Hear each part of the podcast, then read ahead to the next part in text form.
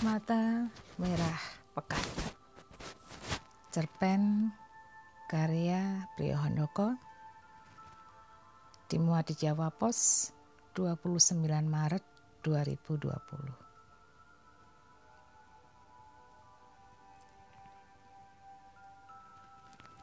Hampir tengah malam, berkali-kali aku menajamkan telinga.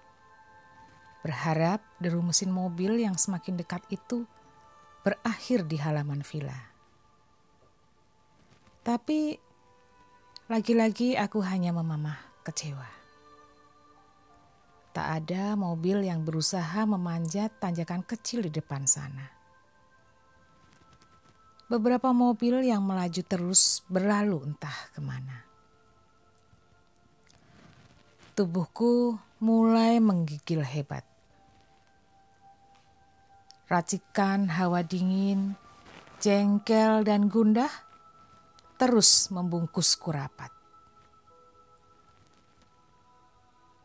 Ku coba menghubungi ponselmu cepat-cepat. Cuma terdengar nada sambung yang memainkan musik klasik dalam tempo sangat lambat. Ayo, cepat angkat. Aku hampir putus asa. Apa kamu lupa dengan janji kita? Aku tahu kamu tidak pernah lupa. Mungkin kamu mendadak mendapatkan tugas dari bosmu. Bila memang seperti itu, Seharusnya kamu segera menghubungiku. Aku tidak mungkin marah. Paling hanya merajuk sebentar. Pura-pura marah. Tak mungkin lama. Karena semua kejengkelan itu akan langsung terendam ketika nafas kita bersentuhan di lain waktu. Seperti biasa. Sungguh, aku hanya takut kamu celaka.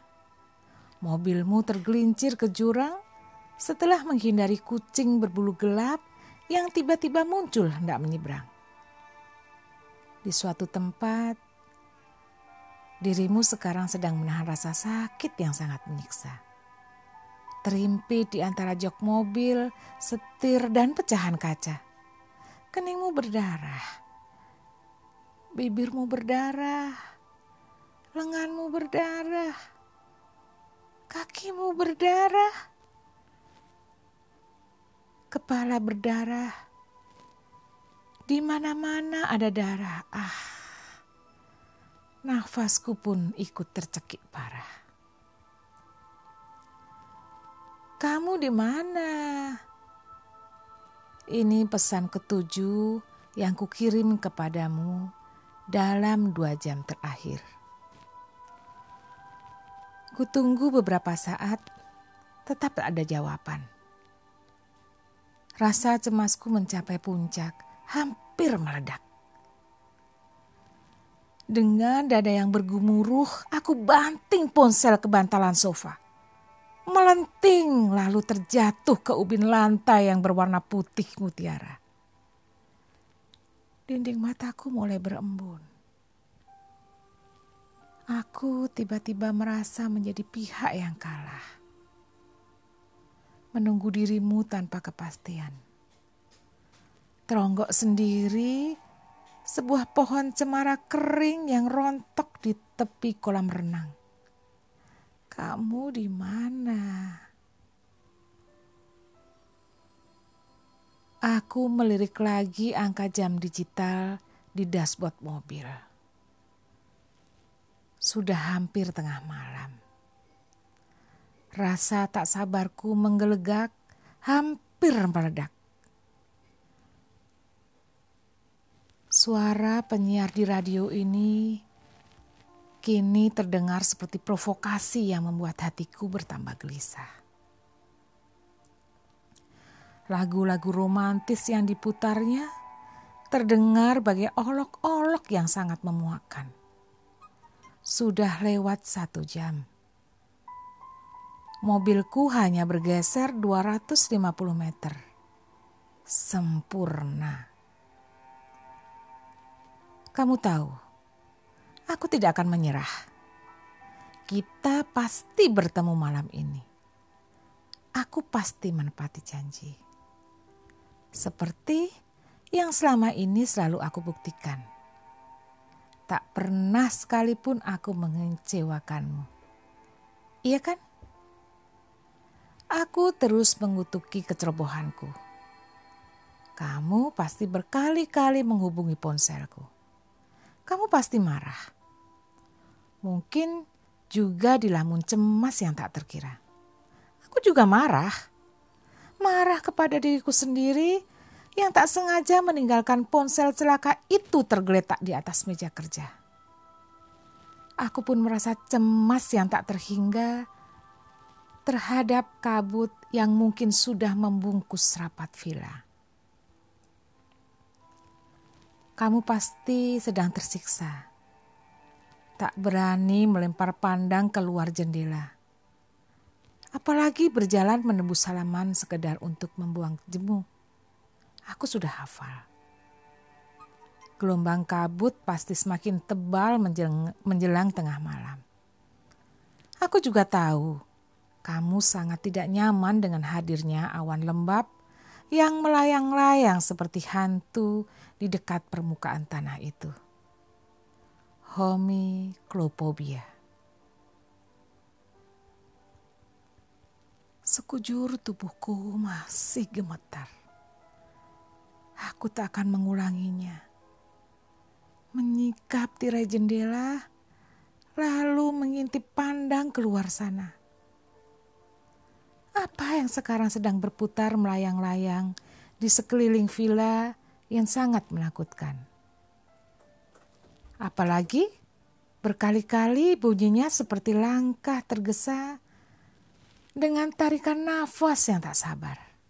Ah, yang terakhir ini mungkin cuma imajinasiku. Aku kembali melirik ponsel yang masih terbaring di lantai ubin yang dingin. Mengapa kamu tidak segera datang? Mengapa kamu tidak membalas pesan-pesanku? Cepat aku tekan tombol power remote televisi. Ada debat pilkada, aku biarkan saja. Meskipun aku tidak terlalu tertarik dengan politik. Suara calon yang berapi-api ditambah yel-yel dari barisan kursi pendukungnya membuat villa ini terasa lebih ramai, memecah keheningan. Cukup membantu mengalihkan perhatianku dari mata yang terus mengintai entah di mana. Gawat, aku terus berimajinasi. Bahkan kali ini aku merasa seperti mendengar suara ketukan halus dengan ujung jari dari balik pintu. Mungkin ada secuil kabut yang penasaran. Mungkin ia ingin bertanya siapa yang sedang aku tunggu. Mendengarkan kisahku? Untung, sejak sore aku sudah memastikan semua pintu dan jendela terkunci. Tak peduli siapa pun yang mengetuk, hanya akan aku buka bila aku dengar suaramu. Tahukah kamu?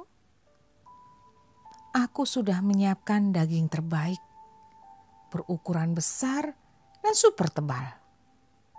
Kebetulan selera kita sama. Steak yang dimasak dengan matang. Tak perlu bumbu atau saus macam-macam. Cukup taburan garam dan lada hitam. Ditemani beberapa kentang rebus yang dicacah hingga lembut, sebotol, sebotol wine merah akan menyempurnakannya. Ah, suara itu muncul lagi. Bisik lembut dari balik pintu. Merayuku agar segera membukanya sekujur tubuhku kembali gemetar. Aku tak akan mau menyingkap gorden jendela. Aku tak berani. tak berani mengulanginya. Sesuatu yang menunggu di luar sana sungguh menakutkan dan berbahaya. Tanganku bergerak memberi syarat maaf kepada seorang bapak berjaket tebal yang menawarkan tahu goreng kacang rebus arem-arem dan air mineral. Brengsek. Seharusnya aku sekarang sudah merasa hangat di villa. Menikmati lembutnya stik buatanmu, memanjakan lidah dengan segelas wine manis produksi Bali yang anggurnya dipetik dari salah satu perkebunan di Probolinggo. Selanjutnya, kita mengobrol banyak hal sampai pagi. Seolah tak ada habisnya. Tak perlu penting, tak perlu menarik, tak perlu pula sesuatu yang baru. Apa saja yang membuat kita bahagia dan merasa nyaman bisa tertawa lepas begitu saja. Suatu malam, kamu pernah bercerita kepadaku mengenai dua tempat indah yang tidak akan pernah kamu kunjungi. Sekalipun semuanya disiapkan gratis, Point Race di California dan Argentina di Kanada, kau tak ma pernah mau mengunjunginya. Aku tak mau mati konyol, katamu, menjawab ekspresi bingung di wajahku. Menurutmu, itulah dua wilayah paling berkabut di dunia. Bahkan, kabut menyelimuti Argentina lebih dari 200 hari dalam setahun. Aku tak bisa hidup bersama kabut. Ujarmu berusaha meyakinikanku. Faktanya, sekarang aku masih terjebak di sini. Tertahan puluhan kilometer darimu bersama lautan kabut yang juga datang menyerbu. Memaki mobil yang hanya bisa merayap. Tahukah kamu? Aku selalu menantikan pertemuan seperti ini. Entah kenapa dadaku berdebar-debar. Perasaan menyenangkan yang sudah lama hilang dari kehidupanku yang hambar. Seorang teman bilang aku mengalami puber kedua. Dia mengingatkanku agar berhati-hati, jangan bermain api. Tapi aku tak peduli dan aku tak terlalu peduli. Toh umurku baru 35 tahun. Aku berpegangan pada referensi yang menyebut puber kedua dialami pria saat menginjak kepala empat. Mungkin ini pemanasan menjelang puber kedua. Jawabku sekenanya seketika itu lantas tergelak. Lamunanku buyar sebuah tangan keriput mendadak mengetuk-ngetuk kaca mobil. Kembali aku gerakan jemari tangan, memberi isyarat maaf kepada kakek tua yang langsung berlalu dengan mulut terkatup rapat. Aku mencoba mengitip lewat kaca spion tengah. Sebuah kantong plastik berukuran besar di jok belakang membuatku gelagapan. Goblok, umpatku sambil memukul setir mobil. Gaun malam miliknya yang diambil kemarin dari laundry ternyata tertinggal di sana. Dia sudah berencana memakai gaun berwarna merah itu ke acara launching produk baru perusahaannya malam ini. Tiba-tiba kepalaku berdenyut nyeri. Apakah kabut di sana mulai menghilang atau semakin tebal? Seandainya ada kamu, aku pasti sudah mendapatkan jawabannya. Kamu akan langsung beringsut menyikapi tirai, menyapu pandang ke semua sisi, lalu kembali di sebelahku menyibak rambutku yang tergerai dan membisikkannya. Ya, semudah itu, semudah aku menerima segala risiko dari mencintaimu. Dua tahun ini bagiku sangat membahagiakan. Meskipun sejak awal aku dan kamu menyadari hubungan ini tidak akan bisa beranjak ke mana-mana. Kita sudah sama-sama tahu batas tepinya, batas yang tidak mau kamu robohkan. Seperti aku yang juga tak mau melepaskanmu, apa pun resikonya, apa pun yang akan terjadi, aku tak akan pernah menyesal. Hawa dingin dan suara angin semakin rapat membungkus villa. Aku tambah gelisah. Jangan-jangan kamu memang tidak jadi datang. Tapi mengapa kamu tidak memberi kabar apa pun? Adakah kejutan yang diam-diam kamu siapkan untukku? Entah di mana persisnya kamu sedang mengendap-endap di balik pepohonan atau rimbun taman di luar sana. Menikmati ketakutanku sambil tersenyum nakal.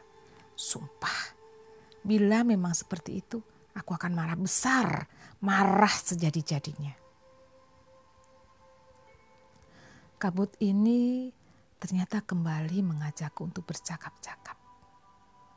Seolah ingin berkenalan denganku Kadang ku dengar langkah kakinya yang berjingkat, menyusul pintu yang bergoyang-goyang.